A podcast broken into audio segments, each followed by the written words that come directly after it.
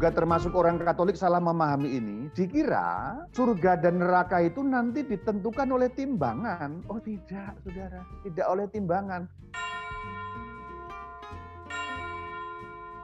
Pada waktu yang pertama itu kan kita membahas mengenai rute orang mati. Lalu ada beberapa orang itu berkomentar, memangnya sudah pernah ke sana, Romo kok tahu ini semua? memangnya sudah pernah ke sana Romo kok tahu rutenya? Belum pernah tentu saja, belum pernah ke sana saudara-saudari. Namun begini ya saudara-saudari ya, ini catatan awal. Tentu saja kalau kita bicara mengenai hal-hal akhir, apa yang belum pernah kita ketahui mengenai alam di setelah kematian, ini bukan karena pengetahuan yang sifatnya pengetahuan empiris. Ya, yang, yang bertanya tadi dan tidak tidak sedikit yang bertanya, memangnya sudah pernah ke sana? Sebenarnya itu kategorinya adalah pertanyaan yang namanya pertanyaan empiris. Nah, sementara kalau kita bicara seperti ini itu bukan pengetahuan empiris. Empiris itu berarti orang sudah datang membuktikan benar rutenya seperti itu, keadaannya seperti itu. Ini pengetahuan yang namanya pengetahuan teologis. Dari kata theos, Allah, logos, eh, perkataan atau ilmu, Berarti ini semua datang karena diwahyukan dari Allah. Berarti pengetahuan kita atau lebih khusus pengetahuan saya itu saya dapatkan dari gereja dan gereja menerima wahyu dari Allah.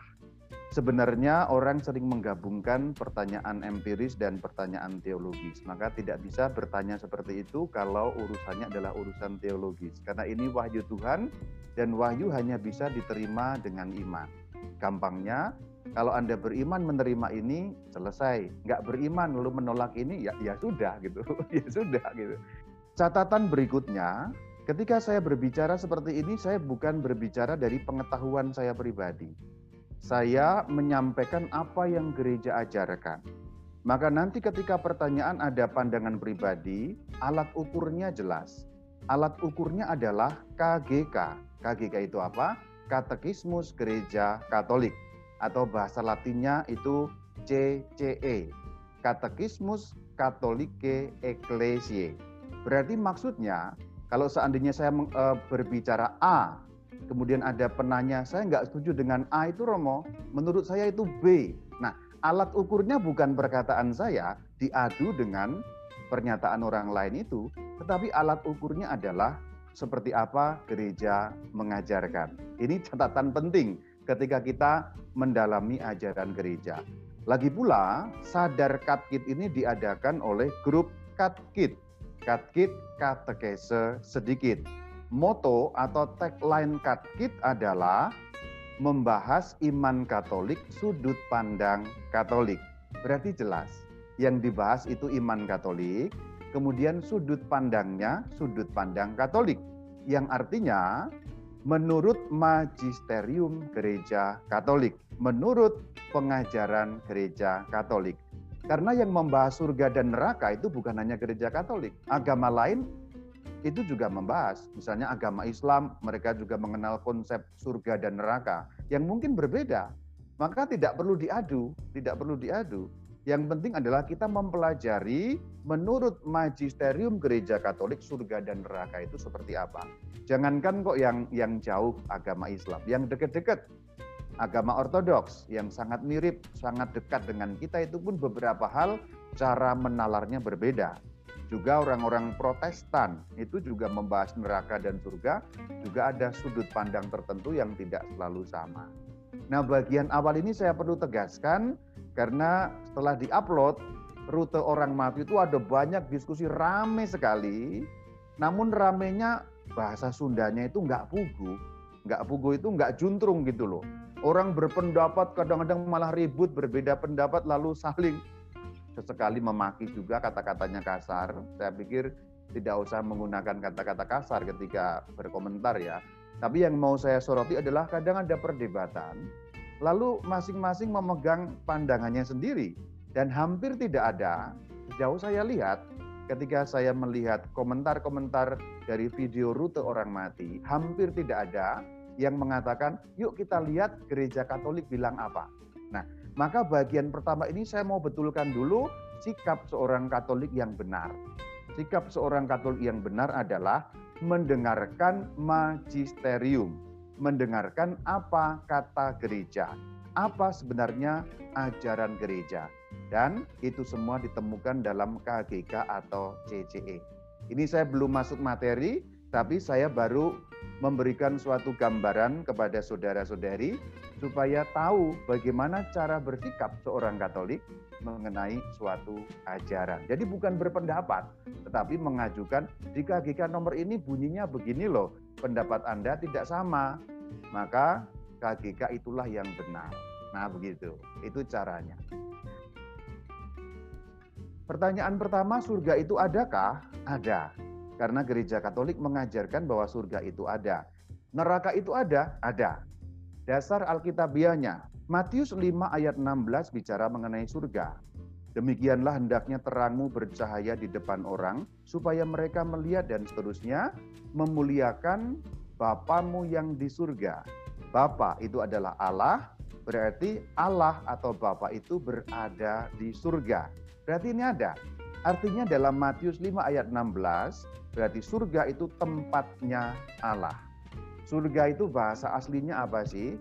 Surga kan bahasa Indonesia sebenarnya.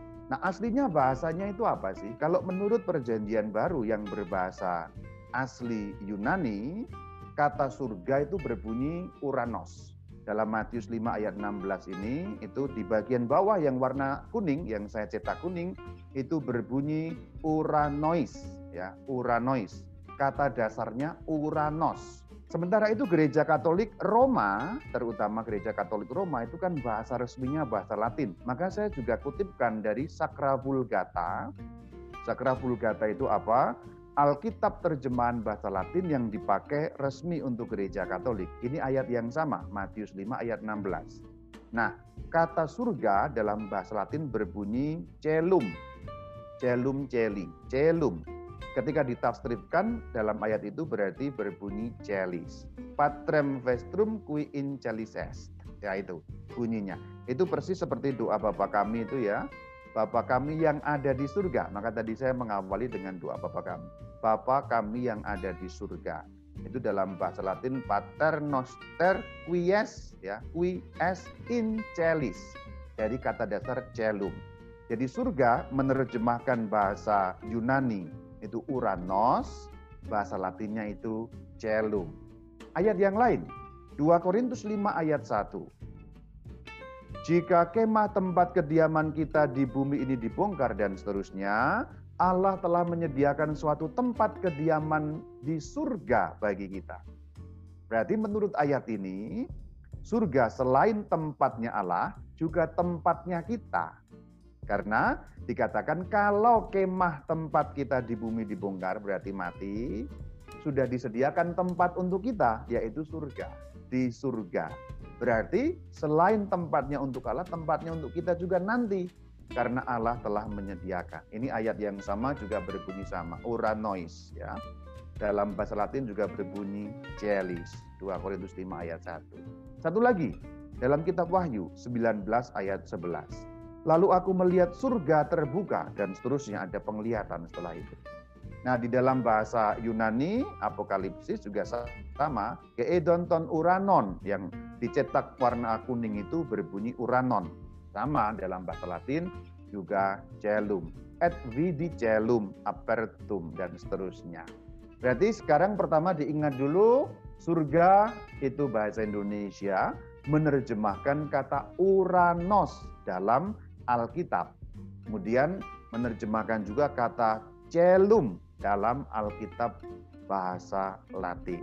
Sekarang kita bahas mengenai neraka, tiga ayat juga. Kita lihat sama-sama, Matius 5 ayat 29. Maka jika mata kananmu dan seterusnya, daripada tubuhmu dengan utuh dicampakkan ke dalam neraka. Nah ada kata neraka. Kata neraka itu bahasa aslinya apa? Bahasa Yunaninya berbunyi Gehenna. Gehenna. Itu dalam teks yang sama, itu berbunyi Gehenan. Kata dasarnya Gehenna. Itu Yunaninya. Latinnya ternyata sama. Latinnya itu persis sama dengan Yunaninya. Itu berbunyi Gehenna. Lihat, yaitu ya, totum corpus tuum mitatur in Gehenam. Semua badanmu dikirim ke neraka ya, di, dicampakkan ke dalam neraka. Gehenna. Selanjutnya ayat selanjutnya, Lukas 12 ayat 5. Takutilah dia dan seterusnya mempunyai kuasa untuk melemparkan orang ke dalam neraka. Nah, ini juga berbunyi Gehenna. Dalam Lukas 12 ayat 5 Yunaninya Gehenan sama. Dalam Latinnya juga Gehenam habet potestatem mitere in gehenam, punya kuasa mengirim ke neraka. Nah itu, berbunyi seperti itu. Satu lagi ya, mengenai ayat-ayat tentang neraka. Tiga saja. Nah, yang surga tiga, neraka tiga. Tapi bukan berarti hanya tiga ini loh. Saya hanya menyampaikan tiga, saya saya pilih acak sebenarnya. Yakubus 3 ayat 6 dan seterusnya, lidah dan seterusnya, bagian selanjutnya bagian bawah, sedang ia sendiri dinyalakan oleh api neraka. Apa tadi? Kejahatan tadi itu yang disebut di sebelumnya. Api neraka. Nah itu dalam uh, kitab Yakubus 3 ayat 6 Yunaninya sama Gehenis ya. Tis Gehenis. Jadi kata dasar Gehenna sama. Latinnya juga sama itu ya inflamata a Gehenna nyala atau api inflamata inflame ya nyala berasal a itu berasal dari Gehenna, nyala api dari neraka. Nah ini ya, ini ayat-ayat yang menyebutkan dengan jelas bahwa surga itu ada, neraka itu ada. Landasan biblisnya, dasar Alkitabnya sangat jelas. Maka saya kadang mendengar orang Katolik berkata, kalau untuk percaya surga mereka gampang. Surga Allah baik, maka surga itu ada, jelas. Namun beberapa orang Katolik menyatakan keberatan. Kalau Allahnya maha pengampun, masa ada neraka? Nah itu. Tapi ternyata neraka atau Gehenna itu jangan jelas disebut dalam Alkitab. Dalam bahasa asli kita lihat, dalam terjemahan Latin kita lihat, sangat jelas. Artinya neraka itu ada. Karena Alkitab menyatakannya demikian. Alkitab kan firman Tuhan. Maka kalau ada orang Katolik, saya orang Katolik taat loh, tapi saya nggak percaya ada neraka. Karena neraka menurut saya bertentangan dengan kebaikan Allah. Itu kan menurut Anda. Menurut gereja kan lain. Nah, jadi sekali lagi kembali ke awal tadi itu. Ketika kita bicara mengenai ajaran gereja yang satu kudus katolik dan apostolik itu tidak bisa menurut saya karena kita punya magisterium. Menurut saya itu kebiasaan tetangga sebelah. Toko sebelah. Jadi kalau sudah ada beda, menurut saya terus bikin sendiri. Nah itu ya.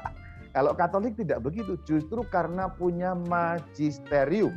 Tidak ada cocokologi dan comotologi. Juga tidak ada kafetaria, memilih yang dia suka. Karena orang ini tidak suka ada neraka, maka dia memilih tidak meyakini neraka. Karena apa? Dia serem dengan neraka. Dan kayaknya menurut akal sehat, nggak mungkin Allah yang baik kok ada neraka. Nggak cocok. Kata siapa? Nggak cocok. Kata saya. Nah itu kan kata Anda kata Alkitab berbeda. Nah, ini cara memahami ajaran dalam gereja Katolik ya. Saya uh, mengulas ini karena berbasis pada pengalaman upload kemarin rute orang mati.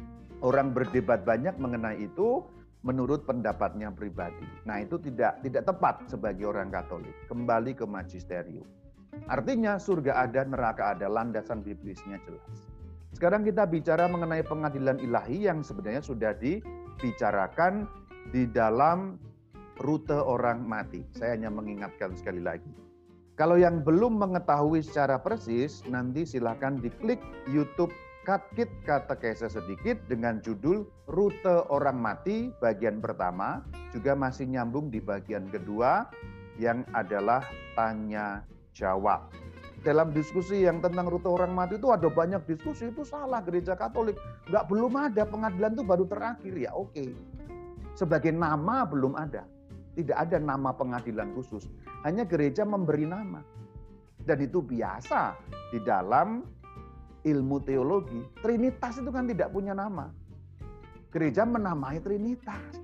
Nggak ada kata Trinitas dalam Alkitab itu tidak ada. Yang ada Bapa Putra dan Roh Kudus saya menjadi melebar karena perlu menegaskan duduk perkaranya. Karena persoalan ini disalahpahami.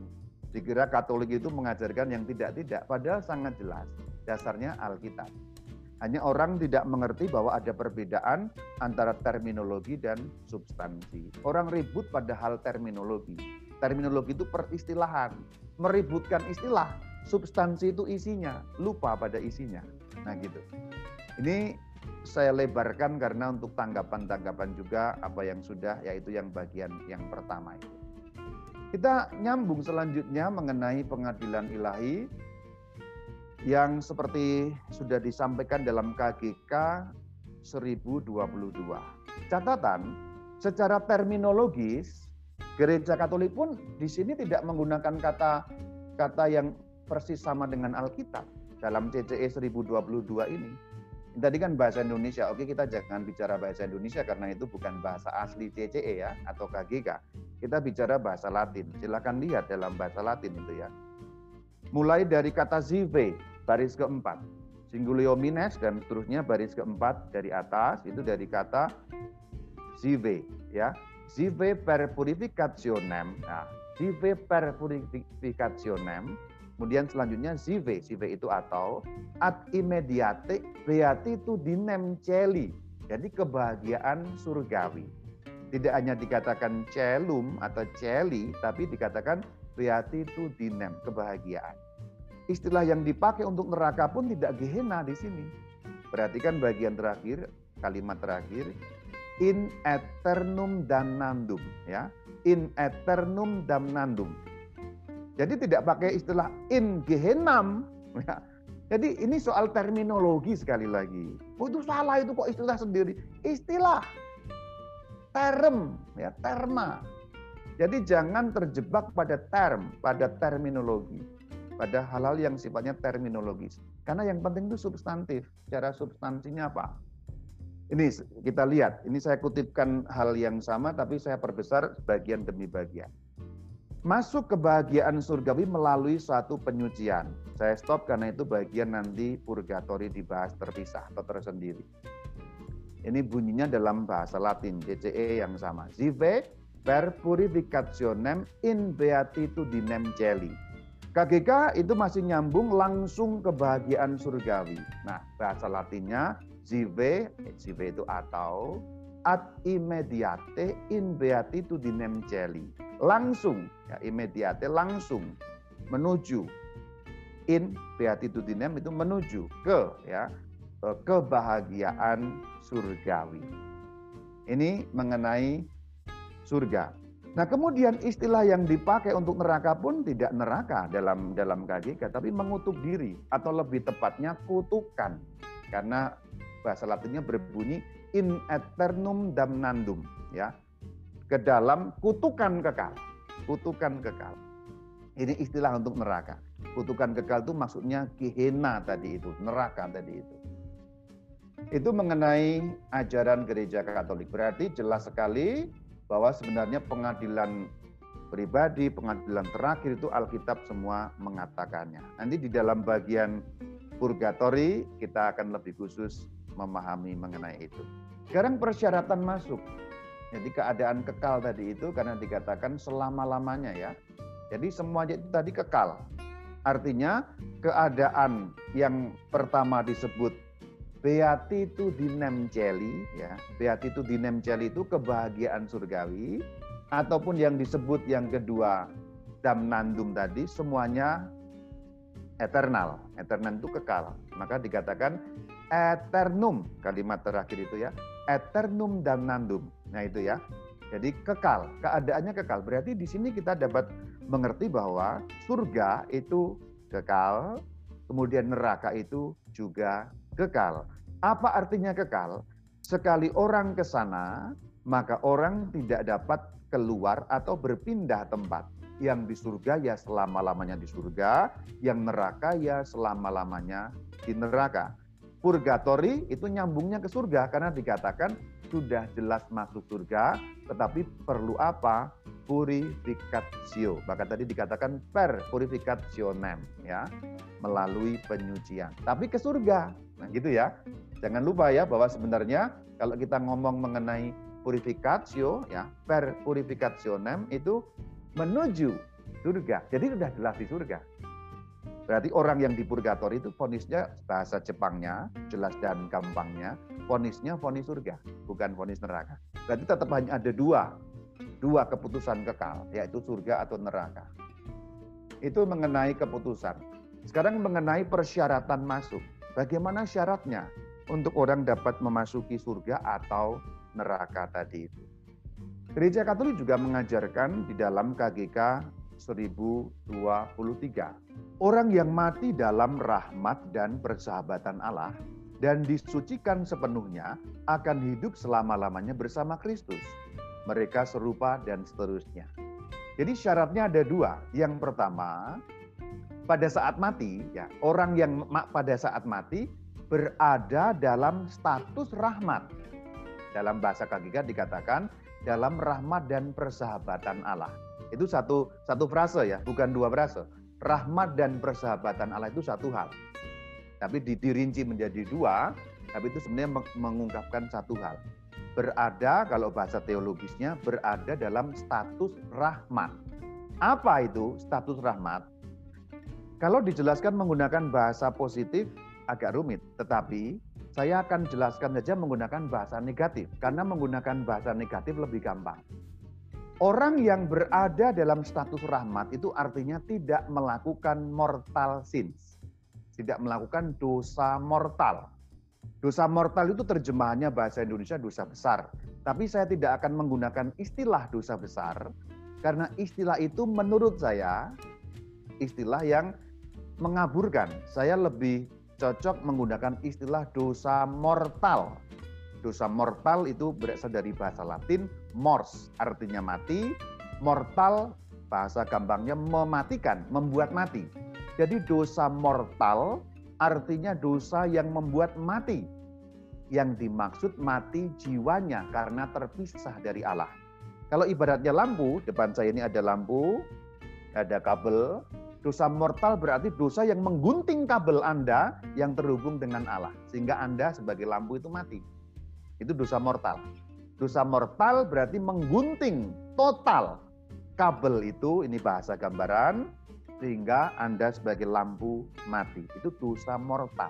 Mors, mortal, dosa yang membuat mati. Nah, orang yang dalam status rahmat artinya tidak melakukan dosa mortal. Atau kalaupun terlanjur melakukan dosa mortal, sudah disesali dan kemudian pertobatan dalam sakramen tobat itu berada dalam status rahmat. Pertobatan yang kemudian diterimakan di dalam sakramen tobat itu membuat Anda kembali dalam status rahmat dan persahabatan dengan Allah. Ini saya membahas kata dalam rahmat tadi itu. Sehingga Anda mengerti ya, bahasa negatifnya tidak melakukan dosa mortal. Atau kalau telanjur melakukan dosa mortal sudah menyesal dan bertobat melalui sakramen tobat. Nah, itu bahasa gampangnya begitu. Saya tidak usah pakai bahasa teologis karena ini bisa dijelaskan dengan bahasa gampang. Yang kedua, disucikan sepenuhnya. Dosa-dosa venialnya, dosa venial itu dosa yang kecil, itu sudah dibersihkan seluruhnya. Catatan mengenai dosa venial. Dalam terjemahan bahasa Indonesia istilahnya dosa kecil atau dosa ringan. Tapi saya lebih suka menggunakan istilah aslinya venial atau dosa venial karena lebih mengungkapkan maknanya. Venial dari kata bahasa Latin venia artinya maaf, dimaafkan. Jadi dosa yang dapat dimaafkan. Saya punya bahasa Jepang untuk itu, dosa cincai. Nah itu. Itu. Jadi dosa venial itu dosa cincai. Anda melakukannya itu tidak akan membuat Anda mati, Ibarat kata Anda lampu tadi, ada kabel nyambung pada Allah, Anda kalau melakukan dosa venial tidak memutus kabel tapi hanya menggores sedikit kabel. Kabelnya menjadi cacat. Nah gitu. Kira-kira bahasa gampangnya seperti itu. Berarti syarat masuk surga kita sudah jelas. Ini dalam bahasa Latinnya CCE. In gratia et amicitia ya, yaitu ya, itu bahasa Latinnya artinya begitu. In gratia et amicitia Dei dalam rahmat dan persahabatan dengan Allah. Kemudian perfecte purificati, ya, perfecte purificati itu disucikan perfect seluruhnya. Sempurna itu maksudnya. Ini orang yang masuk surga. Jadi ingat saudara-saudari secara gampang, kalau Anda ingin masuk surga, cara teoritisnya gampang. Anda jangan melakukan dosa mortal. Karena dosa mortal membuat Anda kehilangan surga. Nah itu ya. Sekarang kita bahas mengenai Alkitab ya. Ini tadi kan ajaran gereja, landasannya ada banyak sekali. Saya kutip beberapa secara acak saja bagaimana keadaan surga itu ya. Wahyu 22 ayat 3 ayat 4 dan seterusnya. Ini menggambarkan keadaan surga. Tidak akan ada lagi laknat. Tahta Allah dan tahta anak domba akan ada di dalamnya dan hamba-hambanya akan beribadah kepadanya dan mereka akan melihat wajahnya dan namanya akan tertulis di dahi mereka. Ayat 5 bagus sekali gambarannya. Dan malam tidak akan ada lagi di sana dan mereka tidak memerlukan cahaya lampu dan cahaya matahari. Sebab Tuhan Allah akan menerangi mereka dan mereka akan memerintah sebagai raja selama-lamanya. Nah, di sini ini gambaran surga yang aslinya seperti apa kita tidak tahu. Allah tidak mewahyukan, kenapa kok tidak mewahyukan secara sepenuhnya? Kita tidak mampu menampungnya. Otak kita tidak mampu menampungnya keadaan sesungguhnya surga itu seperti apa. Tetapi Allah mewahyukan kepada kita gambaran-gambaran yang membuat kita sedikit dapat memahami. Tapi intinya singkat tadi itu, beatitudinem celi. Beatitudinem kebahagiaan ya, kebahagiaan. Terus kebahagiaan yang tanpa akhir, kebahagiaan yang tanpa jeda, kebahagiaan yang berkelanjutan, tidak pernah ada kekurangan kebahagiaan. Nah itu, maka dikatakan tidak akan ada laknat lagi. Laknat membuat ketidakbahagiaan. Ini gambaran sekali lagi. Tuhan Yesus juga mengatakan dalam Yohanes 14 ayat 2, di rumah Bapakku banyak tempat tinggal. Nah, berarti jelas, surga sebuah tempat tinggal. Tapi ini sekali lagi gambaran ya, gambaran. Jadi ketika Tuhan mengatakan tempat tinggal, kita tidak bisa membayangkan tempat tinggal duniawi seperti yang kita kita miliki sekarang ini ya. Ayat ketiga, Aku akan datang kembali dan membawa kamu ke tempatku, supaya di tempat di mana aku berada, kamu pun berada. Di mana Kristus berada? Di sebelah kanan Allah, berarti di surga. Sekarang mengenai neraka, KGK bicara apa? Kualifikasi atau persyaratan orang yang masuk neraka. 1035 sebenarnya. Tapi kita mulai dulu dari 1034 untuk memberi penegasan, saya Katolik, tapi saya nggak percaya pada neraka. Nah, saya mau menjawab orang yang atau orang-orang yang berkata seperti itu. Itu kan kata Anda ya. Kata gereja bilang apa ya? Kita harus buka CCE ya, 1034. Terjemahan Indonesianya. Yesus beberapa kali berbicara tentang Gehenna, yaitu api yang tidak terpadamkan, yang ditentukan untuk mereka yang sampai akhir hidupnya menolak untuk percaya dan bertobat tempat jiwa dan badan sekaligus dapat lenyap. Nah, tempat yang disebut Gehenna atau neraka tadi itu untuk siapa? Untuk orang yang sampai akhir hidupnya tidak bertobat. Di sini apa yang dimaksud? Yang dimaksud adalah orang melakukan mortal, dosa mortal, mortal sins atau dosa mortal sampai detik akhir hidupnya. Berarti ketika Anda meninggal dalam keadaan berdosa mortal, ya, ingat, ketika Anda meninggal dalam keadaan berdosa mortal, otomatis Anda masuk neraka. Jadi di sini konsepnya bukan timbangan. Nah, ini kekasan ajaran Katolik. Karena apa? Karena beredar umum, sangat umum bahwa juga termasuk orang Katolik salah memahami ini, dikira surga dan neraka itu nanti ditentukan oleh timbangan. Oh tidak, saudara. Tidak oleh timbangan. Tidak pernah gereja mengajarkan mengenai timbang-timbangan itu. Itu konsep dari keyakinan lain yang kadang merasuk dalam orang Katolik, pikiran orang Katolik, jiwa orang Katolik, sehingga percaya bahwa nanti ketika kita mati ditimbang baik dan buruk, kalau kamu buruknya banyak langsung neraka, baiknya banyak langsung surga. Tidak demikian. Tidak ada satu ayat pun yang mengatakan demikian, tidak ada satu nas pun dalam CCE yang mengatakan demikian. Maka saya mau mengoreksi pandangan keliru mengenai timbang-timbangan itu. Ini ajaran Katolik ya. Sekali lagi kita tidak bicara keyakinan lain dan tidak perlu bicara keyakinan lain. Kita sedang bicara iman Katolik, sudut pandangnya sudut pandang Katolik. Saya mau katakan, konsep surga dan neraka bukan ditentukan oleh timbang-timbangan, tetapi oleh apa? Oleh detik terakhir Anda mati dalam keadaan bersatu dengan Allah atau tidak. Itu. Itu yang menentukan. Itulah kenapa dalam doa Salam Maria kita berdoa doakanlah kami sekarang dan pada waktu kami mati. Karena titik krusial, titik genting dan penting untuk urusan surga dan neraka ini adalah detik ketika Anda mati. Bahasa gampangnya begitu.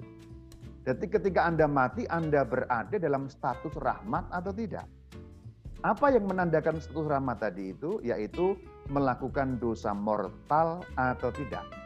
Jadi ketika Anda mati melakukan dosa mortal, menurut gereja terpental Anda langsung ke neraka.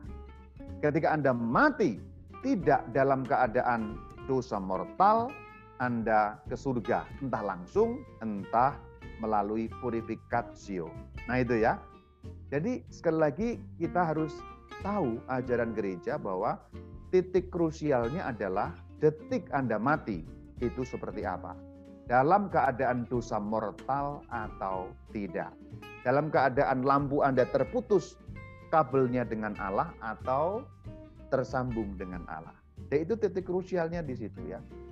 Bahwa Sang Kristus mengatakan, enyahlah daripadaku, hai kamu orang-orang terkutuk, enyahlah ke dalam api yang kekal.